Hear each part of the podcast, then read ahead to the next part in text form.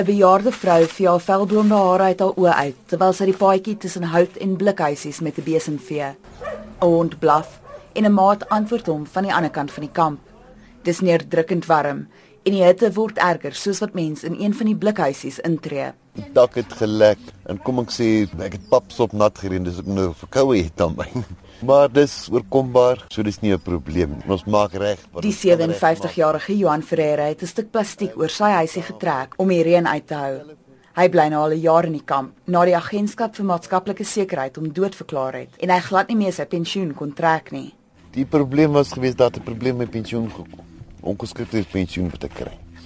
Hulle SASSA het my net dood verklaar en uh, ek het gespook en elke keer as ek teruggaan na hulle toe dan sê hulle vir my we working on the problem. En Na maande is die probleem reggestel, maar die agterstallige gelde is nooit terugbetaal nie.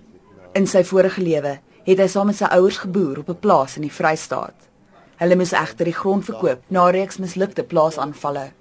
Nou noem Ferreira en sy optelkatjie potjies Sonskynhoekie hulle tuiste. Weet nog steeds nie daar is planne, maar ek wil nou eers my dinge agter mekaar kry en uitsorteer. Tussentyd my 4 5 dae hartaanval gehad. So maar ander nou is die dokters eers my eers nog toets. Hy sukkel met sy gesondheid en weet dat daar 'n goeie kans is dat hy nooit weer deel sal wees van die normale samelewing nie.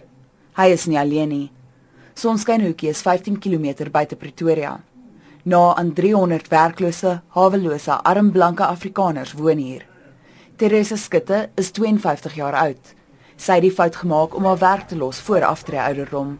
Ja, en mense is nie almal in staat om te help nie, weet. Almal trek maar swaar. Almal het families, maar nie al die families wat kan bystaan en help nie. My familie het my gedra tot hulle nie meer kon nie. En ja, toe eindig ek hier op. Maar Skutte glo sy is nog jonk genoeg om te herstel. Ek wil graag terugkeer na my normale lewe. Ek wil nie vir die res van my lewe in 'n shelter bly nie. Jy jy voel half gestrand hierso. 'n Mens glo jy gaan weer opstaan.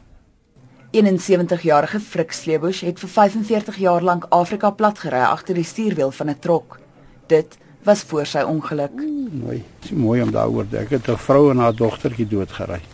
Ek het nie eens geweet dit het gebeur nie. Dit is 'n tyd opdraande. Teen die tyd wat hy die vrou en haar dogtertjie raak gesien het, was dit te laat om die 40 ton trok wat teen 90 km/h gery het te stop. Waar ek het eers seker 5 weke daarna in die hospitaal wakker geword. Rug twee plekke af, heupe af, kop oop, my lip oop. Nou sê hy, kan hy nie eers kry waar hy nie. Hy kan nooit weer bestuur nie.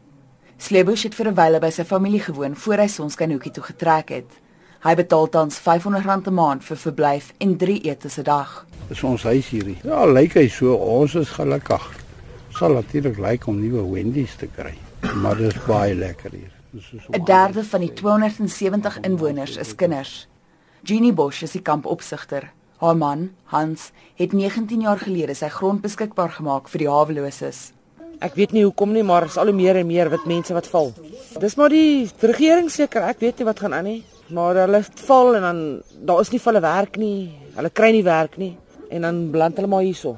En ons jaag hulle nie weg of iets, ons kyk agter hulle. Meestal is gesinne wat inkom, mense wat alles verloor het en mense wat hulle kinders wil behou, wat op die straat wil bly dat hulle kinders weggevat word deur die welsyn nie. Bosch sê hulle maak staat op skenkings van klere, kos en boumateriaal van die publiek. Die regering wil glad nie help nie. Moet dit nie slegs wit is. is. Dit is 'n storie wat mens baie in die kampe hoor. Sonskynhoekie is een van 17 sogenaamde blanke plakkerskampe in Gauteng en die Noordwes, waar Leon Kronee se liefdadigheidsorganisasie Boeregemeenskap Transvaal help. Ons probeer soveel as moontlik wit kampe te help op die einde van die dag aangesien daar nie regtig hulp van baie van die mense afkom omdat hulle sê as jy nie BE is nie dan gaan die mense nie gehelp word nie of as hulle sê dit is wit kampe of Kronee sê hulle sukkel om skenkings te kry as mense eers hoor dat dit na 'n arm blanke gemeenskap gaan. Gerda Strydom is 46. Sy woon amper 20 jaar al in die kamp. Ehm um, ek het by my gewese skoonfamilie gebly op plotte en toe het dinge verkeerd geloop daar en ek het 'n jaar en 3 maande met my seentjie op uh, Kerkplein geslaap voor ek die eerste keer hier aangekom het. Haar seentjie was toe 4 jaar oud. Sy is tog teleurgesteld in hoe die Afrikaanse gemeenskap, wat altyd bekend was vir hulle samehorigheid, hulle rug op mense soos sy gedraai het. Dis hoekom die swartes so goed uit wegkom want hulle staan saam. Hulle is nie eens bloedfamilie van mekaar of uh, related to mekaar nie, maar hulle staan saam. Nou ja, die wit mense nie, die een is dink hy's beter as die ander een nie. Vir ons, Vandag in ons lewe is dit baie belangrik om saam te staan. Daar's 'n gevoel van gemeenskap tussen die inwoners van Sonskynhoekie. Daar moet wees met soveel lywe wat so na aan mekaar woon. Kos word in 'n gemeenskapsaal bedien en kerkdienste word daagliks in 'n klein tydelike houtstruktuur gehou. Deur die samelewing vergeet, weet die inwoners hier dat as hulle nie saam staan nie, staan hulle alleen. Ek is Jemaine Krige vir SAK nuus.